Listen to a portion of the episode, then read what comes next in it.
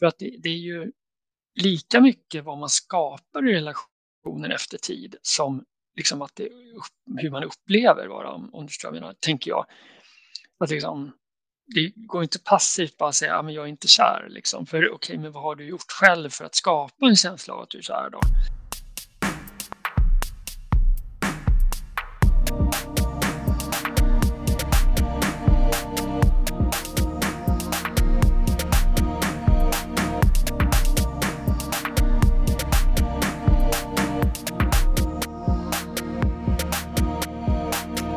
Och välkomna till podden Våra relationer.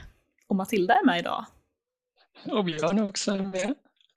Välkomna, välkomna. Vi är igång med ett till avsnitt denna höst. Vi kände för att eh, podda igen, eller hur? Ja, men verkligen. Och idag så tänkte vi närma oss ett ämne som vi säkert har varit på lite sådär, men prata lite mer om det. Eh, kärlek och vad är kärlek? Ungefär mm. så. Ja, vi var liksom, vi stod och valde mellan eh, skuggsidorna eller kärlek och eh, Björn sa så här, ja men antingen så kan vi prata om skuggsidan eller så pratar vi om vad kärlek är. Vad väljer du Matilda? Då kände jag, ja men vi går uppåt ett tag nu, vi, vi pratar lite mer kärlek här och så sparar vi skuggsidorna till vintern.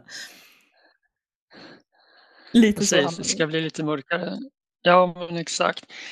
Um, ja, men vad har du för relation? Du, du, du, precis, det var någonting som väcktes i dig då när det här ämnet kom på tal. Och vad var det som gjorde det då? Och eh, vad har du för liksom, relation till kärlek då just nu?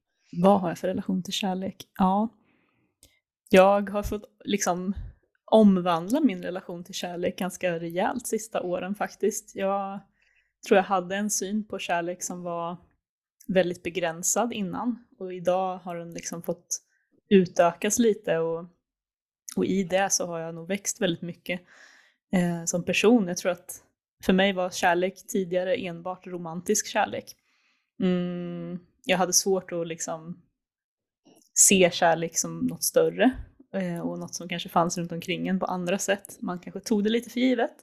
Eller så var det bara att det var svårt att känna en kärlekskänsla till någonting annat än eh, det romantiska en hopplös romantiker kanske jag är, mm. jag vet inte. Um, ja, ja. Jag är väldigt lätt för att bli kär, alltså på riktigt. Jag har ju typ eh, gått i någon slags, jag har ju varit på sådana familjekonstellationer du vet som, som um, en form av terapi kan man väl säga. Jag har varit med i sådana workshops där min frågeställning liksom, till gruppen eller till min terapeut var varför har jag så lätt för att bli kär? Det var liksom mitt, mitt problem i livet att jag kastade mig in lite för fort i den känslan, framförallt då i romantiska relationer. Men efter de här åren eh, där jag har fått liksom omvandla lite den, det konceptet så har jag väl, men jag tycker ändå att min relation till vad kärlek är har gjort mig lite mer jordad så att när jag nu är på en plats där jag är väldigt nykär så är jag också nykär på ett nytt sätt. Eh, och det kan vi prata mer om, men jag vill först höra vad du har för relation till kärlek, Björn. Eh, ja, um, jo men den har väl också kanske förändrats över åren och, och, jag har väl upplevt nu när du pratar så tänker jag också, jag har väl upplevt det här på, på olika sätt um, och kanske också förändrat lite synen på vad är kärlek? Um, och sen det här med förälskelse och vad är kärlek och så vidare. Man säger ju nykär. Och jag bara tänkte på det när du sa också, är vi nykära eller är vi förälskade? Men det tar vi längre fram i podden. eh, eh, nej, jag, jag, känner igen det här du säger också till lite större, det jag tänkte på när du pratade om det, det, det har jag också känt tror jag, liksom där kärlek i en grupp, att man känner att det liksom finns kärlek i luften. Det har jag känt mycket när jag varit så här meditationsretreat, det har jag känt det där att eller också när jag gick på utbildningen också, terapeututbildningen, det fanns mycket kärlek i luften på något sätt, att det finns mycket välvilja och man vill varandra väl och så vidare. Den typen av liksom mot varandra, liksom. den har jag verkligen känt på i de sammanhangen. Och sen i relationen har jag också upplevt den och, och kan känna liksom att, att det, det är någonting som man kanske utvecklar över tid men också, och det kanske vi också ska prata om, att beroende på också hur man utvecklar relationen till sig själv så utvecklar man också relationen till andra och därmed också känslan av att kanske uppleva kärlek då, att man kanske också med tiden, eh, eller jag tänker att jag kanske har gjort någon sån resa i alla fall, att man, man blir liksom mera, man accepterar sig, eller jag accepterar mig själv mer och, och också kan uppskatta mig själv mer på något sätt och vara rätt nöjd med mig själv liksom, någonstans. Det är någon sorts liksom, kanske själv, självkärlek som blir mera bottad i någon liksom, ja, grund att, att man är okej okay som man är och så. Det tycker jag att jag utvecklar över tid och då blir det också en annan sån kärlek mot andra personer också, både i kärleksrelationer men också mot vänner och så att jag kan liksom känna mera eh, välvilja och kärlek. Eh, jag blir inte lika kanske irriterad på andra också. Det beror ju bland annat på att jag inte projicerar lika mycket då kanske själv på andra.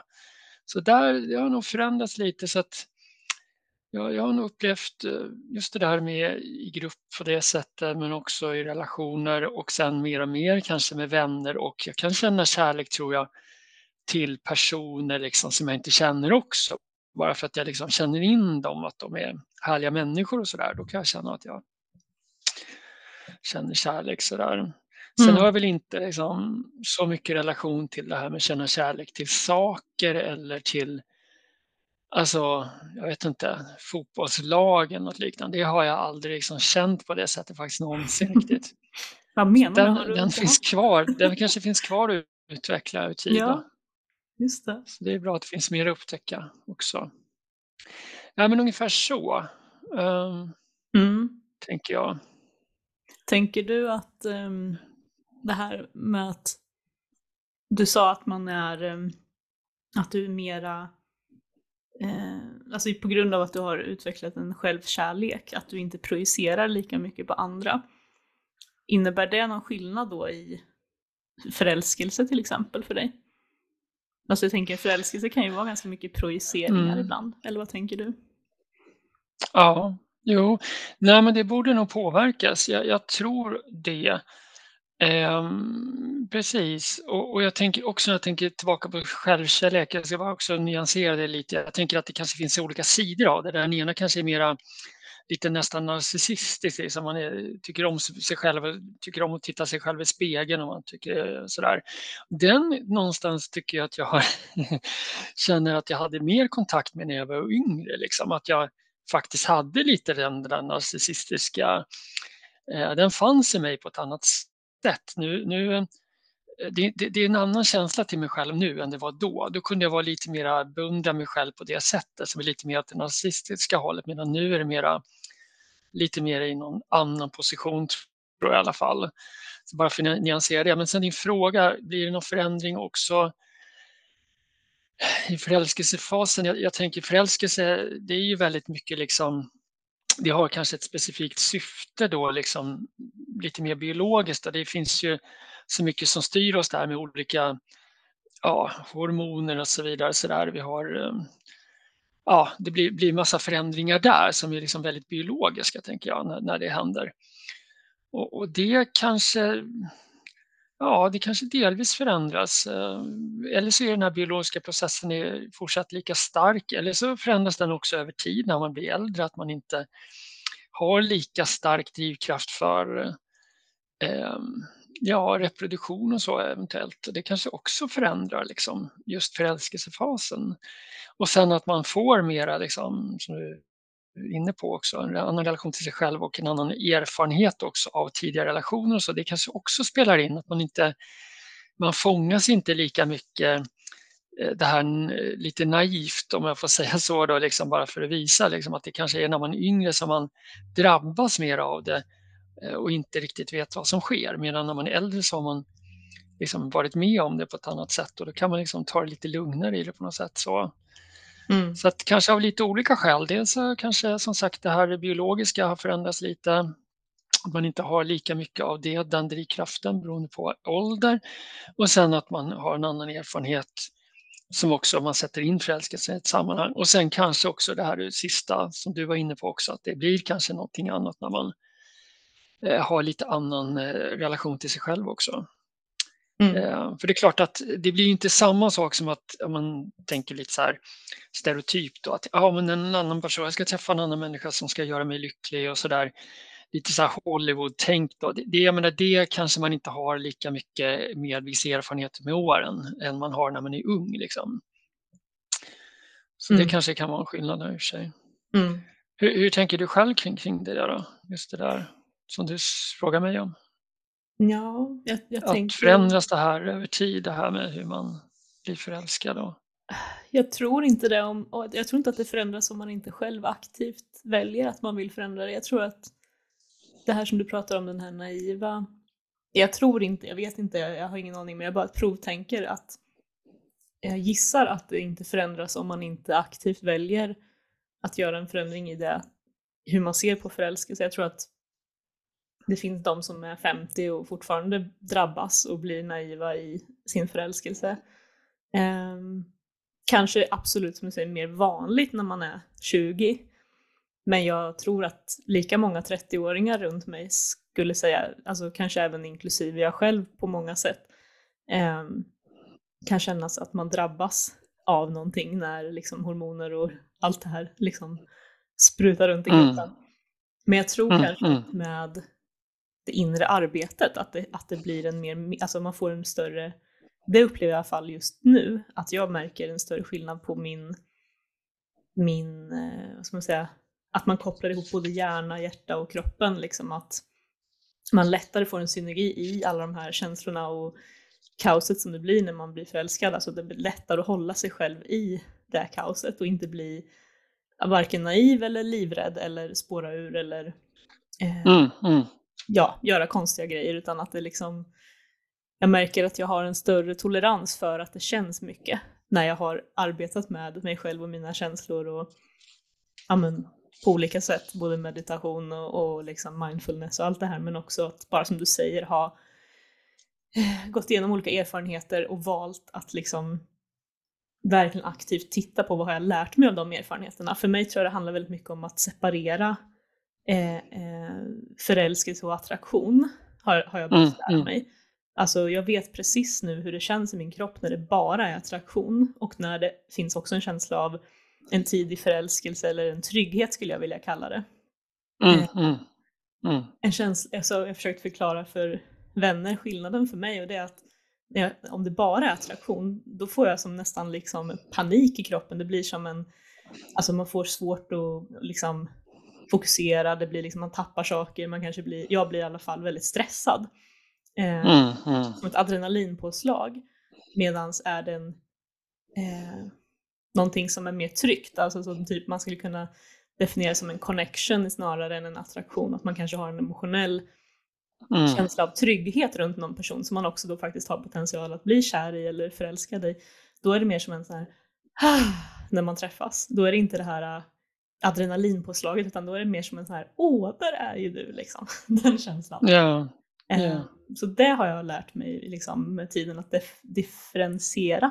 Att när det finns både det här lite, lite, lite stress men framförallt känslan av ha, ja, då, då är det bättre att liksom kasta sig in i den känslan än att bara, bara mm. känna mm. det här äh, stressen och liksom pirret och galenskapen för då vet man att det kanske är på väg in i någonting som inte är förälskelse och, och nykär utan mer kanske något som bara är um, mm. det geggigare. Så, som blir kanske lite mera eh, sånt som man kommer få gå i terapi efteråt. Mm. Ja, men det där väcker lite tankar hos mig också. Jag tänker om jag går tillbaka liksom i tiden så kan jag nog liksom tänka att jag blev liksom mera om man säger, attraherad av personer som, ehm, som jag behövde gå i terapi efter.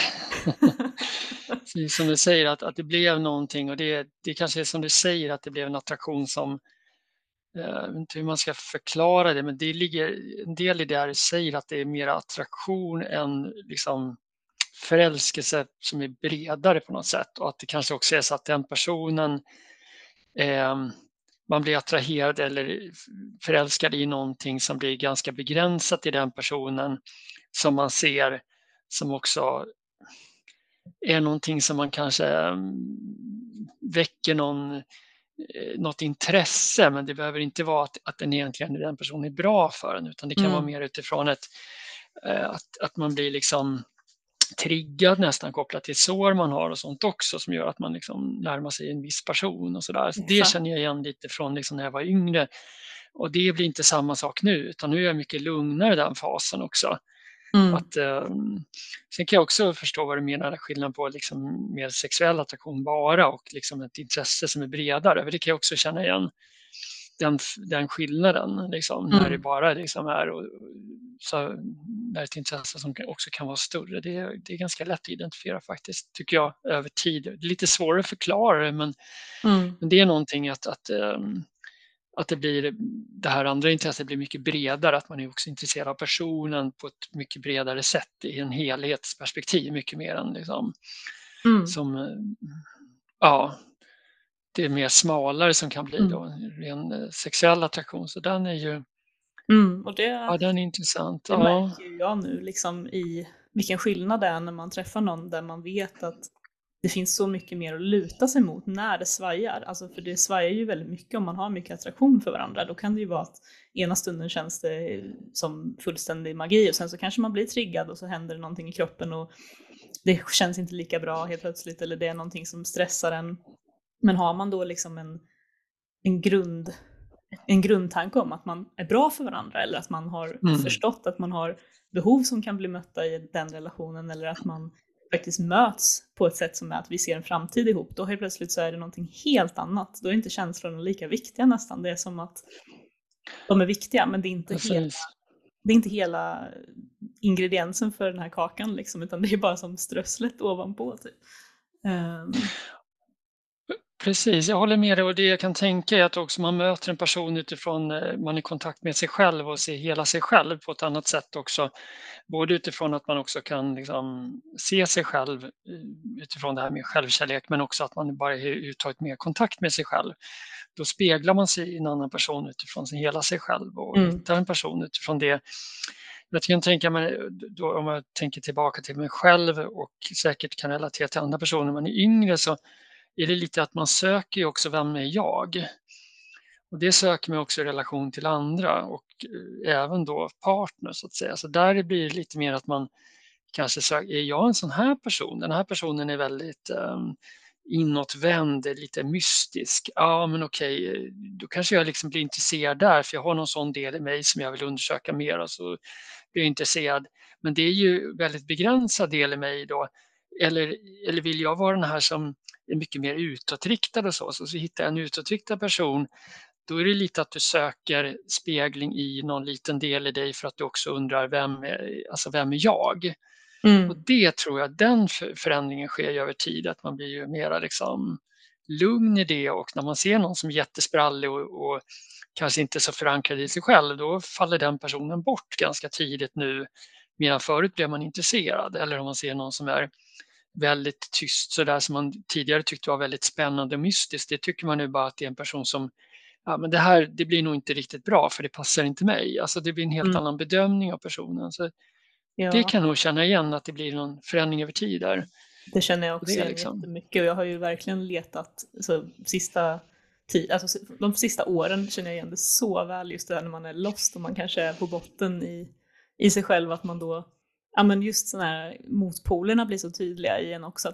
Som vi har pratat om förut, med delpersonligheter och att man har en del av sig som är, som jag sa till dig i något avsnitt här, att jag liksom känner mig som fullständigt ambivalent, att ena dagen vill jag vara supersvensson och nästa vill jag bara leva fritt liksom, och bli nomad ungefär.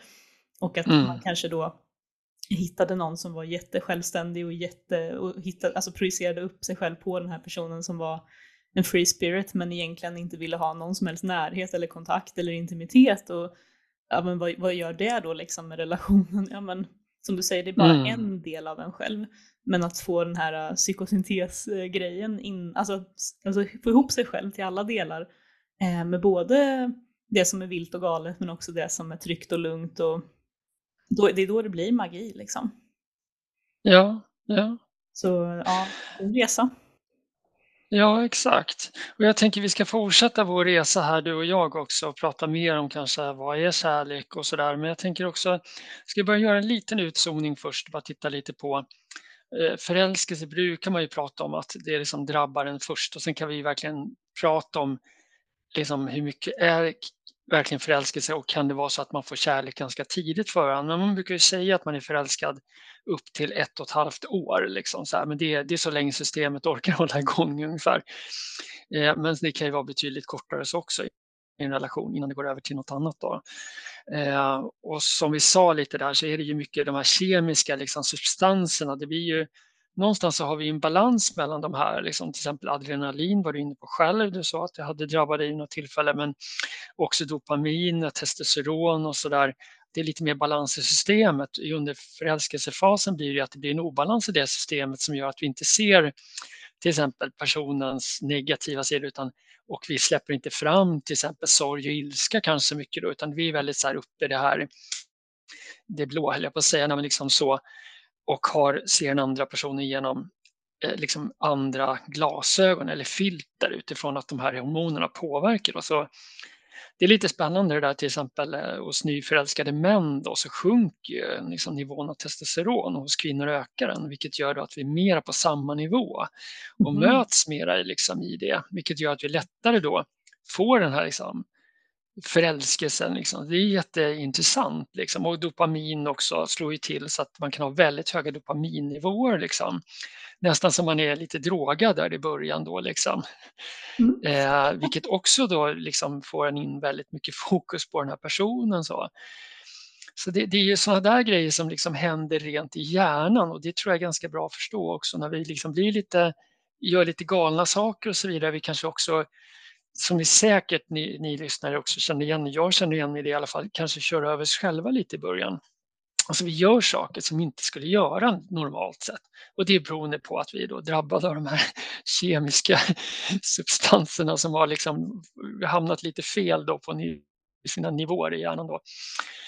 Så det är lite intressant just att prata lite om det där med förälskelsefasen. Och sen liksom som sagt kom vi över kärleksfasen då, eh, kanske lite längre fram. Och där, du, i vårt uppsnack så pratar vi lite om också att man kanske kan se det här med kärlek på lite olika sätt. Då. Nu har vi pratat mycket om relationer du och jag, men att det finns ju också det här med ja, man kanske kan ha kärlek till saker eller till eh, nationen eller till fotbollslag. Alltså man känner någonting som skulle kunna liknas kärlek för man känner en stor värme eller en stor engagemang eller någonting sånt där kanske. Man mm. skulle kunna förknippa det med liksom. Just det. Så där är också ett sätt att ringa in frågan lite. och vi kommer väl prata mest om det här med kanske relation, eh, kärlek i relationer, men vi har ju också det här med barn och föräldrar. Det är också en speciell kärlek som man eh, som förälder offrar i stort sett nästan allt för sina barn och, och kan liksom göra väldigt stora uppoffringar för dem. Och det gör man ju också under hela deras uppväxt. Man lägger otroligt mycket tid och förlorad sömn och så vidare på sina barn. Och sen har vi den här liksom kärleken som är mera mellan vänner och så som också kan bli väldigt djup och stark och verkligen liksom hålla ihop oss så att säga. Mm. Och sen har vi med det här erotiska och så, så det finns ju ja, olika delar där också. Mm. Och sen det här eh, villkorslösa som är mer för världen eller liksom man pratar om ja, mm. det, det, större hela liksom, hela mänskligheten som inte är just kanske för en person alltid utan för någonting större. Ja, och, och, precis, någon känsla av att man tillhör någonting, liksom, något större som du säger, mm. eller lite så här diffust vad det är, men också någon, någon stark känsla i det då. Mm. Uh, precis.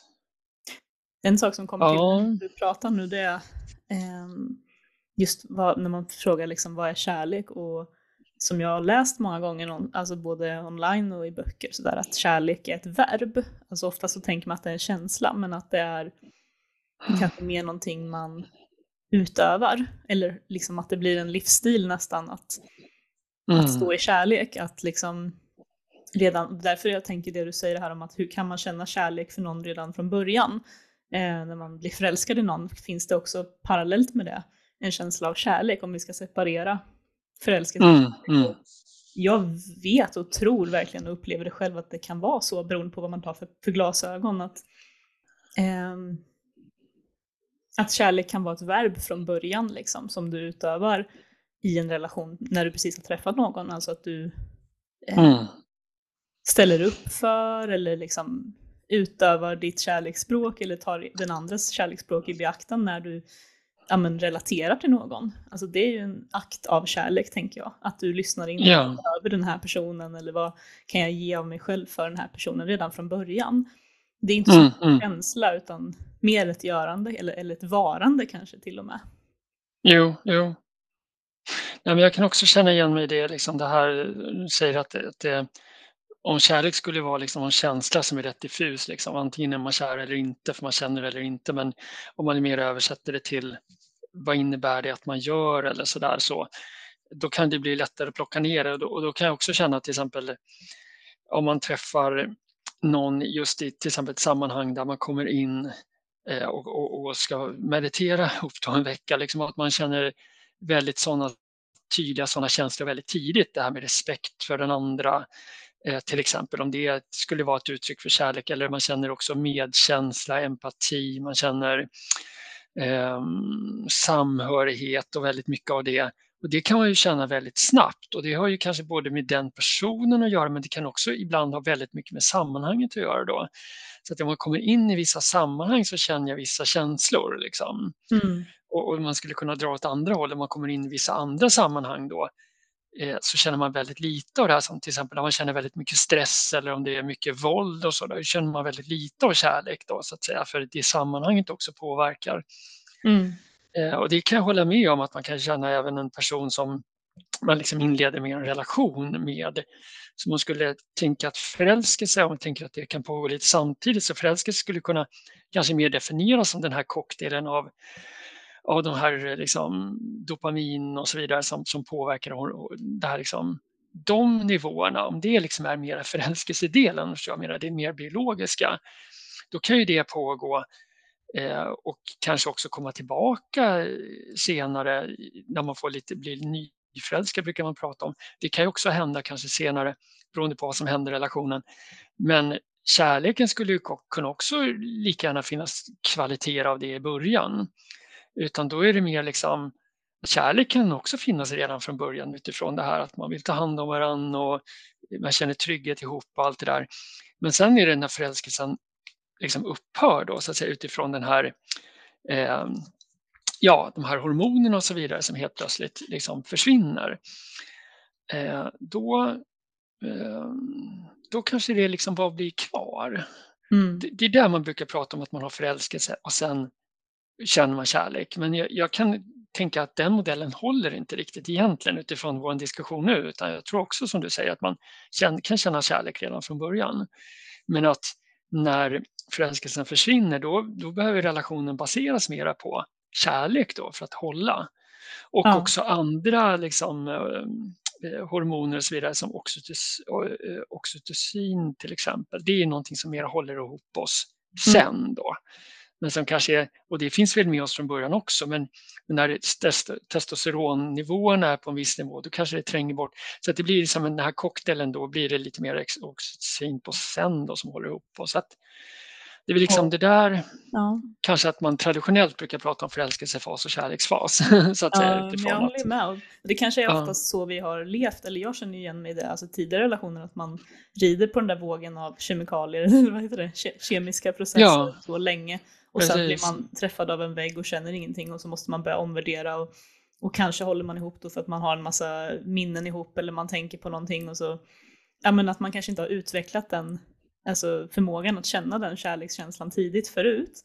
Men precis. jag kan känna igen mig i den kär, kärlekskänslan tidigare idag för att jag har en mer grundad kärleksdefinition i mig själv. Vad är kärlek för mig? Och då kan jag ta, ta till den som, en, som ett verktyg redan från början för att jag vill odla det i relation Mm, mm, och vill vara med någon som också vill det och som uttrycker det och som vill vara nära också som du säger det här med oxytocin-grejen, det får vi ju av närhet och är- man då i en relation med någon som inte vill vara nära från, alltså kanske redan visar det tidigt i, i även i förälskelsefasen och liksom tar lite avstånd in, av och på eller in och ut, då kan ju Mm. det vara ett tecken på att det kommer vara svårt att upprätthålla oxytocinnivåerna även ännu svårare sen när den, den här kemiska processen försvinner. Då är det ju väldigt stor risk att, att den försvinner Mm. helt. Liksom.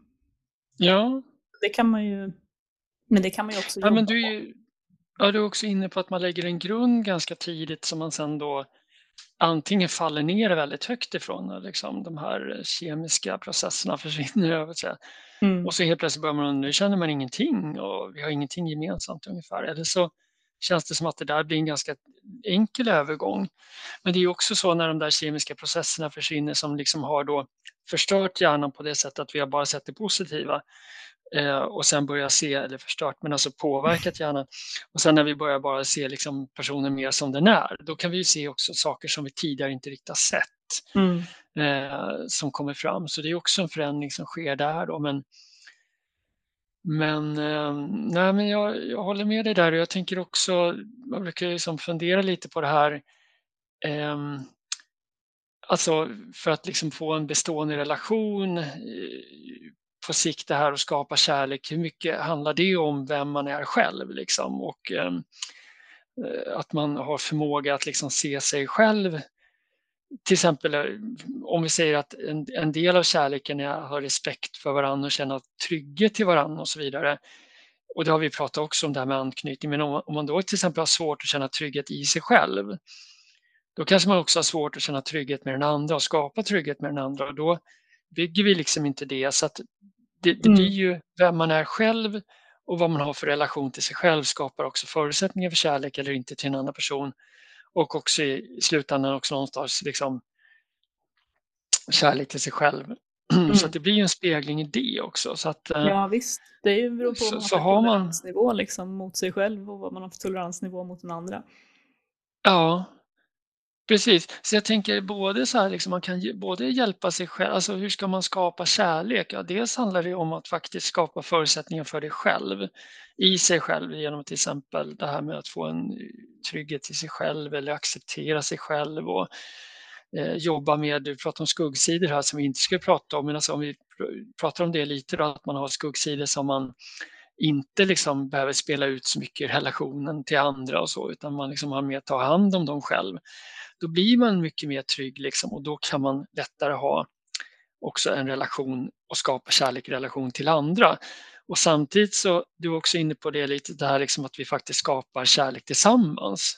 Så både skapar man ju det själv, i sig själv och då kan mm. man också ha en förutsättning för de andra. Men man skapar också tillsammans, att i ett par till exempel om man eh, förstår vad är det som skapar kärlek, som till exempel att ja, men det är viktigt för oss att kramas. Mm. För då får vi de här oxytocinnivåerna och vi känner också att vi hör ihop och så vidare. Det skapar kärlek mm. eh, för oss och då att vi upprätthåller det hela tiden. Liksom. Mm. Eh, eh, det, det kan ju vara en grej som, som är viktigt då i en relation eller att man till exempel vi har samtal återkommande där vi pratar om relationen och hur vi mår och så. Det skapar också de här liksom banden mellan oss.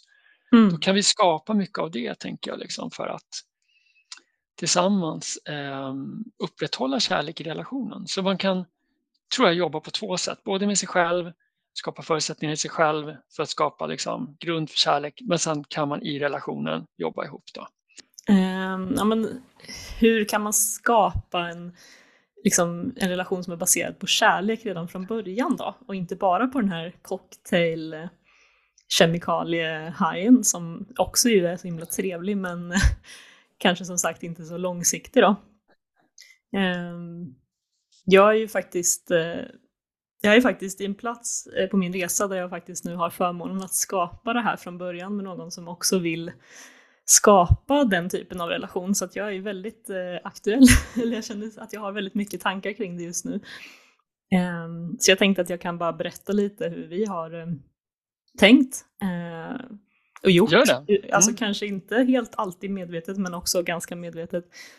Eh, vi båda ville liksom gå in eh, på ett långsiktigt sätt från början och, och liksom prata medvetet och det som vi klickade över först och främst var väl just att vi båda hade gjort listor liksom och reflekterat och skrivit ner vad vi letade efter i en partner och vad man hade för behov i en relation.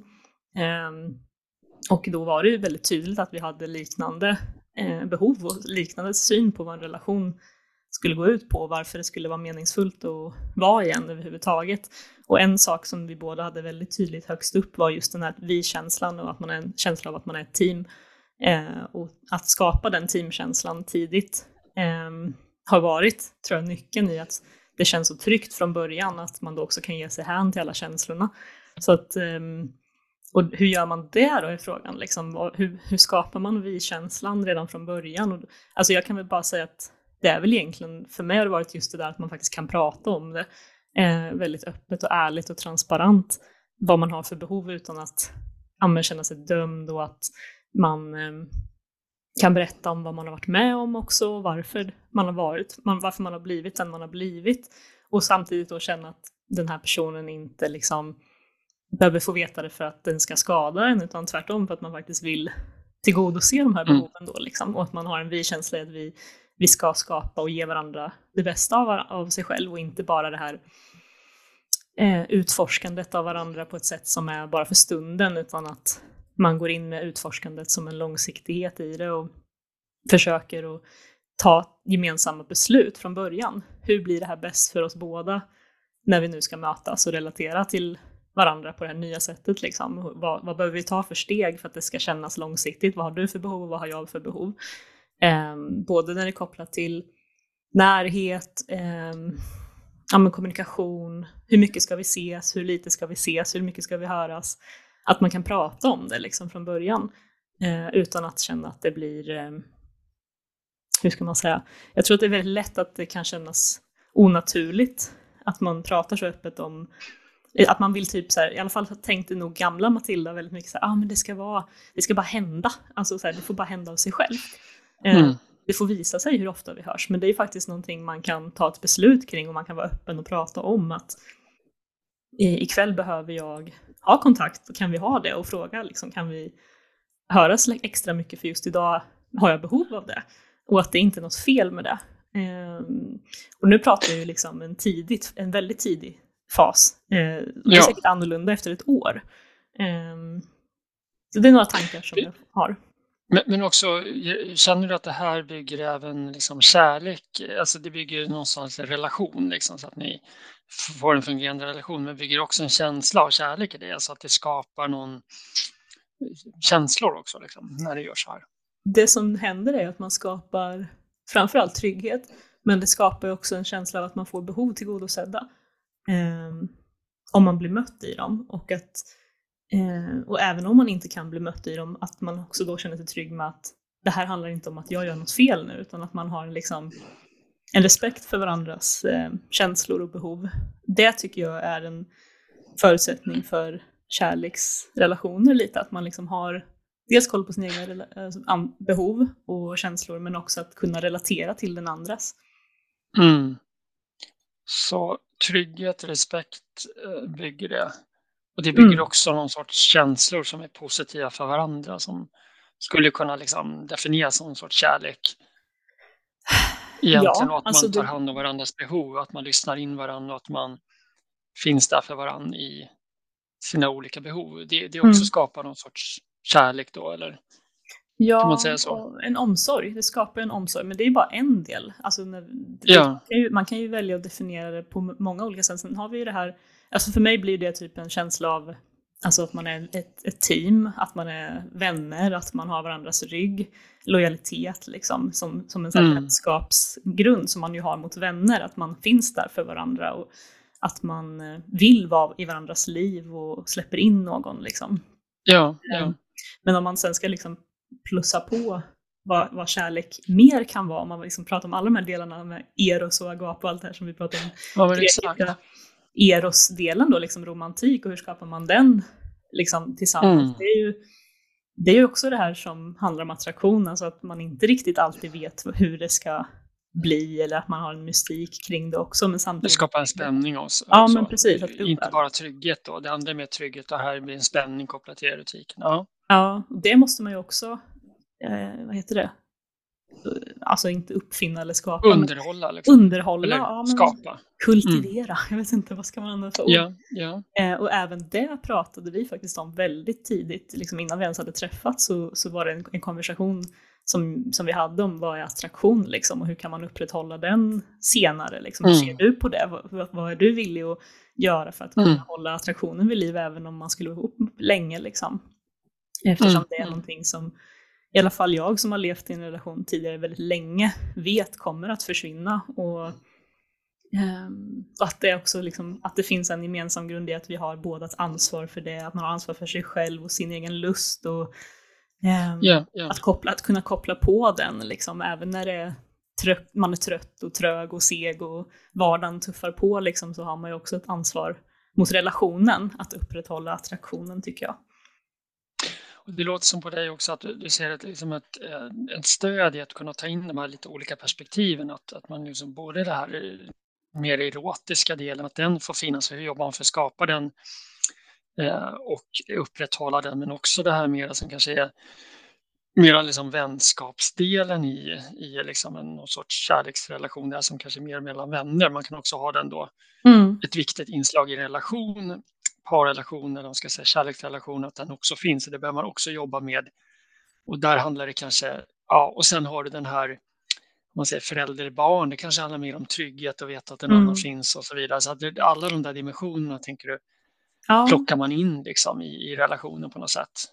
Jag lärde mig faktiskt en ny modell som vi inte lärde oss i skolan, Björn, som, eh, som han ja. faktiskt har lärt mig nu, som jag tycker är ja. väldigt spännande. Den, det handlar om tre delar i en relation som måste finnas och det måste finnas två av tre för att det ska vara hållbart, pratade man om då. Det var eh, dels commitment, dels mm. passion och dels intimacy. Och finns det då två av de här så kan man liksom mm. köra på, men så, mm. finns det bara en så är det väldigt lite att gå på. Um, och commitment ja. kan ju då vara till exempel att man faktiskt väljer varandra aktivt hela tiden och står fast vid att relationen är viktig och så vidare. Och passion kan ju då vara att man håller den här erotiken vid liv och att det finns en glöd och glädje liksom att mm. dela livet ihop. Och intimacy handlar ju mer om det här alltså behov och alltså att man ser varandra och, och tar in den andras värld och som vän, både vän och älskare. Liksom. Så att, kan man hålla två av tre så är det ju superbra. Har man alla tre så är det ju klockrent. Eh. Ja, och jag brukar tänka också att det är bra att, att ha så många liksom, delar som möjligt fungerande för att faller någon bort då, liksom, då har man de andra igång. Då får man liksom mer tryggt och, och långvarigt och blir inte så, det blir mer liksom stabil relation. Så nej, men det är väl bra det där och jag tänker att eh, en tanke som kommer till mig är att liksom ofta har man ganska lätt för eh, vissa saker i en relation, i alla fall min erfarenhet. Ibland är det väldigt lätt med det mera liksom lust och erotiska delen så att säga. Den är lite självspelande. Det behöver man inte anstränga sig så mycket åt, i alla fall inte i början, men det kanske man behöver efter ett antal år. Men, eh, och ibland är det mer liksom någon annan del då som man är lite svag i, så att då kanske det är mer där man behöver också de andra delarna kanske man mer ska upprätthålla och förstärka. Eh, så kan mm. man tänka. Medan några grejer behöver man kanske mer aktivt liksom, jobba för att ta upp så att man inte kanske ja, tappar vissa delar. Det, det är nog bra att försöka få det så helt enkelt man kan. Men, men eh, så att det blir liksom mera, mer att bygga på, liksom, mer stabilitet och så där tänker jag.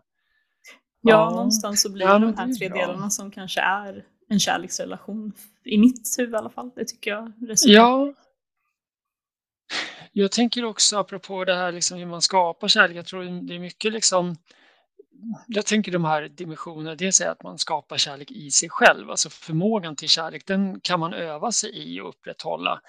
Eh, och den kan man känna, jag menar, eh, känna kärlek om man går på en konsert till exempel, bara liksom att det är så härligt att vara där. Alltså, och då kan man ta med sig den känslan till man träffar sin partner eller sådär. Alltså det, man kan göra rätt mycket sådana översättningar som man själv skapar en härlig känsla som man tar med sig. Eller man går ut och, och dansar och får massa energi så tar man med sig det hem till sin partner. Det är ett sånt här sätt att liksom göra en överbryggning från sig själv till relationen. Den eh, tyck, tänker jag på. Sen, sen liksom också att man på något sätt skapar positiva bilder av sin partner och eh, känslan för att man ska ses till exempel. Att man då bygger upp liksom på olika sätt när man ska ses och, och där. Och att man kanske också så det går att jobba en del med sig själv i grunden men också relationen till den andra utan att den andra är med så att säga.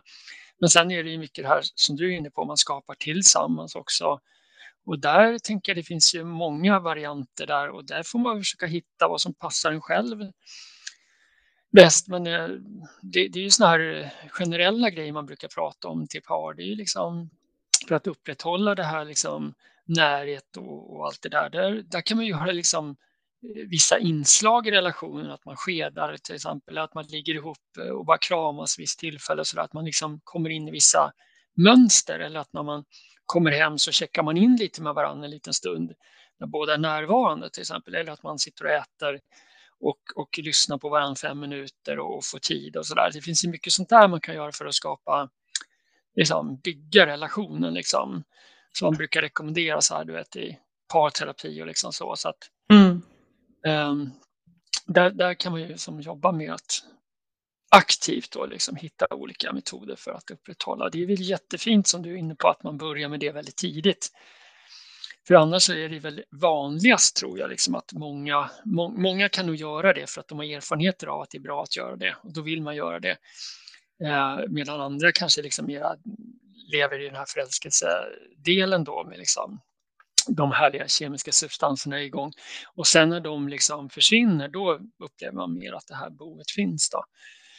Eh, Mm. Och det, det ena behöver inte ha fel eller rätt och så, Nej. utan det är väl mer det som passar och hur Ja. man liksom ska göra. Det är väl ofta som du säger, att i Ja. början så lever den här passionen sitt eget liv. Liksom, och för många tror jag, alltså det är väl kanske där man förknippar oftast med att bli förälskad. Ja. Man har mycket passion och att så, här, så fort den delen då försvinner, om man inte har byggt intimitet samtidigt, så är det ju väldigt lätt att man plötsligt står och famlar i mörkret. Hur gör vi nu då liksom? Eh, Mm. Så ja, Och där kanske det handlar mer om en medvetenhet om att man förstår att det är de här faserna också. Att det, att det hjälper många par liksom att förstå att okej, men nu, nu blir det en förändring och så där. Jag har varit med om det förut och då brukar det här vara bra att göra. Eller liksom så här så man bara annars inte tror bara vänta nu, nu är jag inte kär längre kanske man tror då. mm, Och så. Eh, Och hur så vet, man man, liksom, hur vet man att man är kär då? Liksom? Ja, den är jättebra den frågan. Um, och precis, och liksom lite över tid också. Hur, hur vet man redan från början att det blir rätt? Alltså, när vi, vet man att, ja precis, hur vet man från början, vi var inne lite på det, att det blir liksom, ja men jag ska gå vidare eller det här är tillräckligt intressant eller det här kan bygga någonting. Alltså hur vet jag det tidigt, under tiden, relationen och längre fram?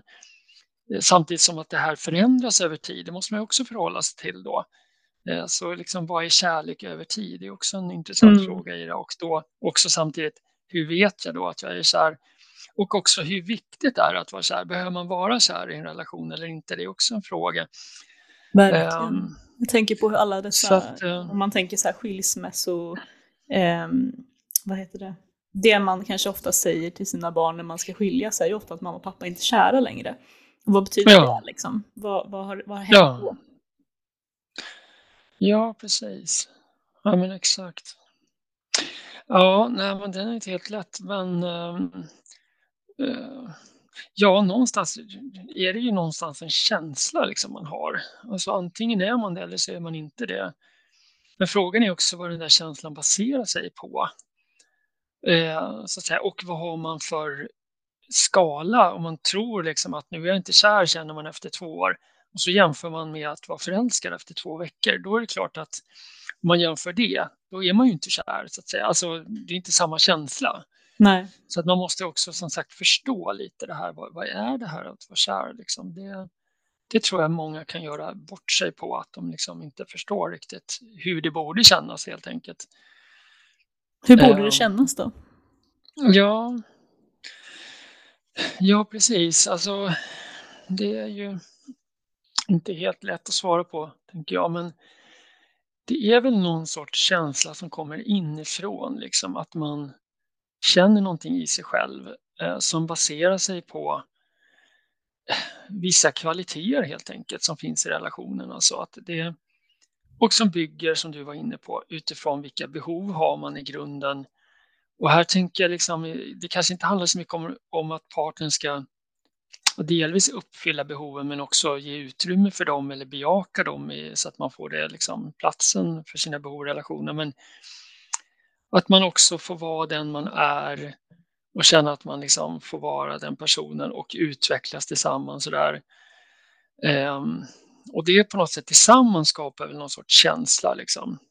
Mm. Ehm, men vi är ju otroligt duktiga på att leta fel och, och, och vår hjärna liksom vill hela tiden hitta det där fe- eh, alltså förändringar och förbättringar hela tiden också. Det kan också göra att man liksom känner att man ja, men nu är det precis på samma sätt, det måste bli en utveckling och så.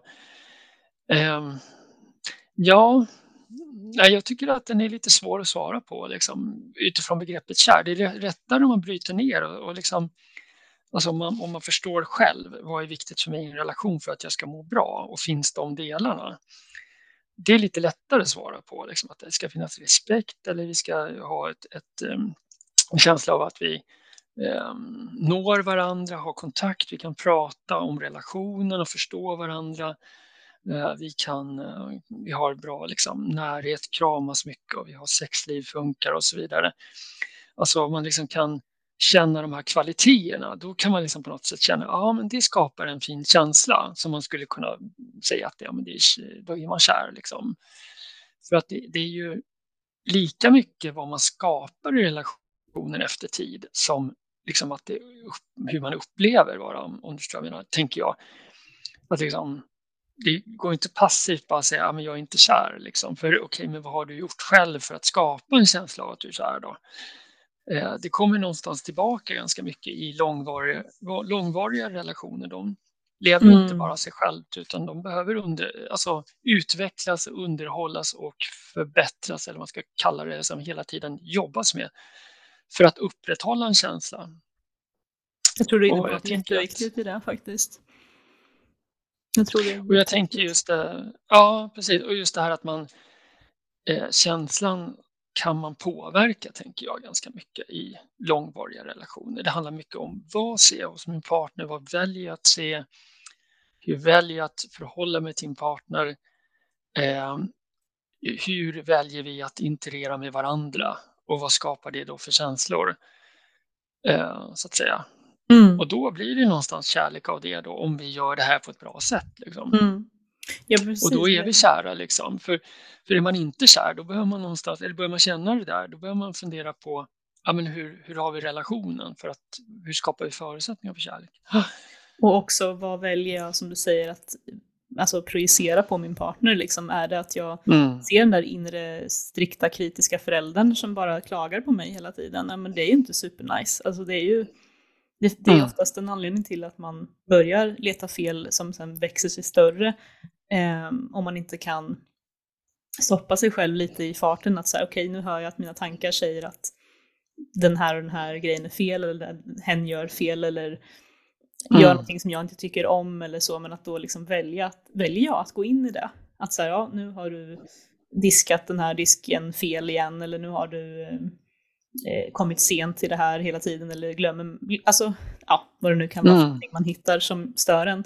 Men också att man adresserar det på ett sätt som är väldigt mm. kritiskt hela tiden, ja, men då, då skapar man ju en, eh, nu tappar jag svenska ordet för resentful, vad heter det på svenska då? Att man blir eh, resentful, ja, att man eh, skapar en eh, distans helt enkelt. Alltså mm.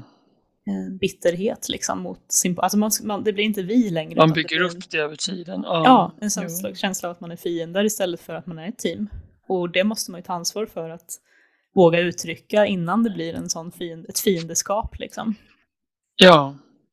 Så jag tror att... Ja, men exakt. Jag, jag, tänker att det handlar mycket om det här mellanrummet mellan oss i relationen. Hur, vad gör vi med det? Liksom? Hur skapar vi någonting där? Och det, det handlar ju jättemycket vad vi kliver in med. Och så kommer vi hem och eh, också återigen går det tillbaka till hur tar vi hand om oss själva? Liksom? Hur, hur, skapar jag ett sätt där jag mår bra i mig själv? Mm. Och den andra mår bra i sig själv, men då är, då är det mycket lättare att få en relation. Men också när vi inte riktigt mår bra, hur, hur kommunicerar vi kring det på ett sätt som gör att vi tar hand om varandra i relationen? Som mm. också, och, och, och, så det blir ju väldigt mycket, som sagt, hur vi förhåller oss till varandra, hur vi förhåller oss till det här, liksom, skapar den här spänningen eller den här ja, utrymmet mellan oss, så att säga, hur, vad vi fyller det med. Det är det som på något sätt skapar en, mm. en relation som också sen, eh, när det uppfyller om man säger så, våra behov eller eh, gör att vi kan vara oss själva och känner oss bra och så vidare, mm. då skapar det en känsla av kärlek. Och sen gäller det att se det då, återigen med de glasögonen och se att ja, men det, här är, det här är någonting som är bra. Jag tycker mycket om den här personen och det vi har tillsammans och inte de andra glasögonen jag var inne på, liksom, där det blir att man liksom ser att ah, det är inte bra och inte bra. Sådär. Mm. Och då, då, när man inte ser, då är vi lite tillbaka med projektionen, när man ser saker som inte är bra hos en annan. Frågan är vad handlar det om hos sig själv också då? Är det någonting du, du har svårt för i dig själv då som du egentligen irriterar dig på hos den andra? Så att, ja, det blir mycket liksom kopplat till det. Och sen så ställer du mm. frågan hur vet man liksom hur det ska kännas och så och jag kan mm. ut, alltså så här, kan reflektera lite på hur, vad jag har känt för skillnad den här gången jämfört med alla andra gånger jag har liksom velat eller försökt eller dejtat eller så. Alltså då, när man, när man får ju ofta höra att man bara vet när det är rätt. Liksom. Ja. Jag har hört tusen gånger människor som har sagt du kommer bara veta. Och jag har alltid ja. då liksom, jaha okej, okay, men hur vet man, för att man har varit så osäker liksom innan. Och ja. jag tror att det, den största skillnaden i den här liksom, relationen blir att jag har gått in med självbestämmande i det på ett helt annat sätt. Alltså en, själv, en självtrygghet, mm. en, en rannsakan om där jag har varit brutalt ärlig med mig själv i vad det är jag behöver för att må bra och inte liksom lurat mig själv till att det, det räcker med vissa grejer när, jag, när det faktiskt sen har saknats någon väldigt viktig mm. kvalitet som den här personen kommer aldrig kunna uppfylla. Men, och, då, och då går jag in i en relation tidigare där jag har hoppats att någon ska förändra sig eller tänkt mm, att det ska bli mm, annorlunda. Mm. Men i grund och botten så har jag hela tiden vetat att det här kommer inte att förändras. Det här är inte den personen jag behöver. Eller jag, och man vill inte lyssna på den inre rösten för att kemikalierna har varit så starka.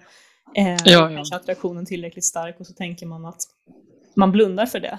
Tills man sen mm, i bästa fall några veckor eller månader senare inser att men herregud, den här personen vill ju inte ha den här typen av relation som jag vill eller är inte beredd att se sig själv eller är inte intresserad av intimitet på det här mm. sättet. Mm. Och då kan man inte mm. blunda för det längre, men när man väl öppnar upp för sina egna behov och önskemål och, och längtan, den, sitt hjärtas största längtan, eh, ja. så här, äger det och står i det fullt ut, det är då du faktiskt träffar någon som faktiskt också kanske vill ha exakt samma sak och då vet man. Då vet man bara. Mm. Ja, men det är väl en bra illustration. Jag tänker som sagt eh, också när man kliver in i en relation och, och blir väldigt förälskad och påverkad av liksom, ja, de här kemiska processerna. Då skjuter man ju också bort alla problem, så att säga. Då vill man ju inte se dem, för det är ett hot mot den här relationen. Mm. Och då kan det ju vara sådana saker som är väldigt viktiga för en i relationen eh, som man helt enkelt inte ens eh, vill fråga om. Man ställer inte mm. ens en, en en viktig fråga som egentligen är en helt grundläggande fråga för om man överhuvudtaget ska kunna ha en relation med den här personen eller inte. Den ställer man inte ens. Eh, Exakt. För att man är så, både för att man är rädd för svaret men också för att man är så uppfylld av det här andra. Så det har på något sätt trängt undan den här frågan. Finns inte då just vid det tillfället heller. Nej. Så det är lite det här du är inne på att man behöver kanske också glädjas och få vara i den här härliga eh, liksom påverkan av de här känslorna och så som man känner i början att det, det är härligt att vara där men samtidigt behöver man vara lite nykter i det också och, och vad man nu behöver för stöd i det, om man behöver en lista som du har eller, eller hade eller någonting sånt där eller de här de viktiga grejerna behöver liksom ha lite koll på tidigt som jag vet. Det kan vara ett stöd apropå liksom att man kanske kliver in i fel och, och då är man kanske inte riktigt kär då utan, utan då är man bara förälskad. Mm. Eh, och kärlek skulle egentligen innebära att även den här sakerna som man tränger undan också får finnas där så att säga. Det skulle kunna vara kärlek mm. om man tänker i tidigt skede då. Så att vi kan kanske, som vi säger, känna kärlek och, och bygga det på det väldigt tidigt utifrån att vi möts liksom mera eh, som vi är och liksom där vi får finnas och det blir mm. ett sånt möte redan från början och att det inte bara bygger på, på den här förälskelse Eh, påverkan då så att säga, då, då kan vi liksom mer träffa rätt troligen och liksom hamna mer rätt sen också. Um, annars blir det ju lätt så när förälskelsen försvinner om det inte har byggts på den här riktiga grunden. Då finns det inte så mycket kvar liksom då, utan, som håller ihop det, utan då ser vi mer de här olikheterna. Och så kanske vi börjar kämpa med det, men då har vi kanske egentligen haft fel, valt fel partner. Mm. Då. Och då att vi inte känner kärlek då, det, det, är ju en riktig känsla då kanske som vi behöver gå på. Då ska man inte kanske fundera för mycket då, liksom så här, ja men jag känner mig inte kär, ja men jag kanske kan känna det nästa år ungefär, ja men alltså, så måste mm. vi jobba på det här och så, utan då, Så man, det, det gäller ju att kunna värdera när ska man eh, här, gå på den känslan och när ska man inte göra det. Det är inte helt lätt, men Nej, det finns väl en del. Ja, Ja, men den frågan du ställde om att så här, kan man leva ihop även om man inte är kär? Liksom, vad tänker du på det? Eh, ja, nej, men det beror lite på vad man menar med kärlek. Jag tänker också att över tid kan det gå lite upp och ner vad man känner och att man inte förväxlar eh, kärlek med förälskelse. Så ungefär att efter ett år så är jag inte förälskad längre, ja men då kan jag inte leva ihop med någon längre. Alltså då kommer du aldrig ha en relation mer än ett år. Så, så att, då är ju svaret liksom att ja, men det är klart man kan, att inte behöva känna sig förälskad, men att känna sig kär. Jag tror att, liksom att den känslan den kan upplevas olika av olika människor också. Man har olika svårt att känna kärlek eller liksom så, eller det som man skulle kunna säga bygger upp kärlek. Eh, och då måste det vara inom den personens referensram så att säga. Alltså om det är någon som har lite svårare att känna det här så får det ändå vara, den kanske kan få ut jättemycket av en relation och må jättebra i den i alla fall. Medan en annan känner lite mer. Liksom, så här. Man kan ju inte jämföra, man får ju hitta inom sin e-, egen referensram. Jag tänker att det bör ju finnas eh, många av de här grundläggande delarna i en relation Eh, som är viktiga för en. Om det nu är liksom att det finns en viss typ av trygghet och, och, och att man får behoven uppfyllda, allt det där och sådana saker. Att det, det finns mycket av det för att det ska liksom, man ska vara i den här relationen tycker jag. Och sen just det här med om man är kär eller inte, den är lite svårare som sagt. Det beror ju på eh, hur man definierar det, hur lätt har man att uppleva det och känna det och så vidare. Så där. Men att det i alla fall finns grundfundamenten för, för en fungerande relation. Liksom där skulle jag kanske börja lite mer om det är någon som skulle komma till mig och ställa den frågan till exempel så här, ja, men jag känner mig inte kär i relationen, kan jag vara kvar? Då skulle jag nog ställa ett antal sådana här frågor. Ja, men hur fungerar relationen? Känner du att du, vad känner du? Hur känner du dina behov? Alltså vi skulle undersöka behoven eh, och bena det här på lite olika sätt. Så det, man behöver, det skulle jag nog liksom tänka själv också där. Man behöver bena i frågan lite mer för bara, och då kanske man helt plötsligt kommer på att man faktiskt är egentligen kär. Bara det att man Mm. inte tänkt på det på det sättet. Man Så behövde att bli påmind. svår. Så. Mm. Ja, man kanske behöver bli påmind eller förstå också att vänta nu, när man börjar se alla liksom bra grejer, den andra, alla goda sidor, till exempel man identifierar hos den partnern eller alla saker som man själv känner att man mår bra av i relationen, då kanske det också väcker känslor som kanske då skulle kunna definieras som kärlek. Då. Mm. Så kan man också tänka. Så att det, det handlar om att upptäcka kärleken också kanske. Ja, jag har faktiskt en jättefin, eh, ett fint citat på min eh, kyl som jag tycker har varit fint, apropå det här med att omvandla då, vad är kärlek och hur kan jag ta ansvar för kärlek i mitt liv? Och det är, ehm, den heter, your task, eller den går så här, your task is not to search for love but to find an opening where love can enter. Mm. Jag tänker att det säger rätt så mycket. Man ska inte hålla på och leta och söka efter känslor utan att den känslan finns i dig hela tiden. Det är bara att göra plats för den. Mm. Ja, ja, precis. Ja, men verkligen. Mm. Ja, men den är bra. Och se lite vad står i vägen. Jag tänker bara när du säger det bara som en, bara en kort tanke också att är man till exempel väldigt stressad eller att man är eh, deprimerad eh, till exempel bara som en sån liten twist på det eh, mår inte bra. Då har man då finns inte riktigt den eh, platsen där för det är så mycket annat som tar över. Och då känna att ja, men inte jag är så kär i relationen, borde slut, liksom byta relation. Det kanske är fel. Alltså, du kanske ska stressa mindre på jobbet istället. Eller du kanske behöver jobba med någonting annat för att må bättre. Det är inte relationen. Så att, eh, man får ju tänka till där att Mm. det, det är inte alltid relationen som är problemet då. Inte slut när man, när, man in, när man inte är kär så att säga. för att Nej, man har inte ens kontakt, kan inte ha kontakt med känslan av olika skäl. Det är därför man säger att man inte ska skilja sig i småbarnsåren kanske. Man har ingen sömn. Ja. Ja, det kan ju vara ett sömnbrist helt enkelt. Är det som är problemet istället. Ja. Men du, eh, vi behöver Ja. avrunda här nu. Vad, vad tar du med dig från samtalet Björn? Ehm, ja, precis. Ja, men det, det var ett härligt samtal. Jag ska fundera på konkret där, just det här med ja, men det, det är spännande det här när man tänker, alltså, är någon, kärlek något som uppstår eller någonting vi skapar? Den är intressant. Och sen vad kan vi skapa för förutsättningar för att kärlek ska växa alltså, och gro, både i oss själva och i relationen. Eh, den är väldigt spännande. Och sen det här eh, som vi var inne på också, vad, vad, kan bli fel liksom, eh, inledningsvis där? Att, att, eh, där behöver vi liksom ha med oss lite fler dimensioner, både att det är så härligt att vara förälskad och känna de här känslorna, men samtidigt någonstans ha kontakt med någonting annat också, där man liksom har lite mer koll på, på de här lite mera eh, långsiktiga frågorna i det så att säga. För om det är dit man vill då, då såklart. Ja, nej, men eh, någonting sånt. Eh, vad tar du med dig?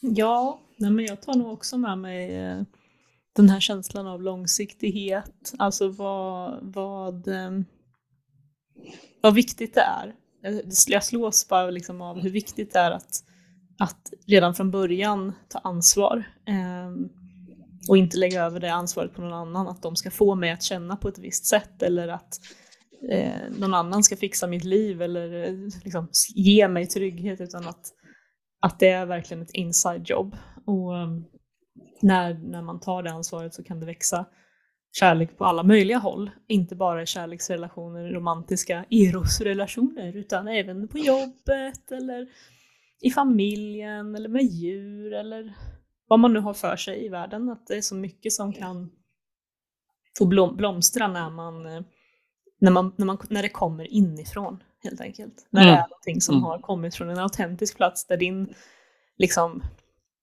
den riktiga rösten som är du, liksom, inte de här hjärnspökena och, och prestationsprinsessorna eller vad det nu är för något som pratar. Att, mm, mm. att det är någonting som kommer från en innersta längtan eh, och vetskapen att då kan du bara ta med dig det in i alla grejer du gör i livet egentligen. Och då, mm, mm. då kan det hända väldigt magiska saker.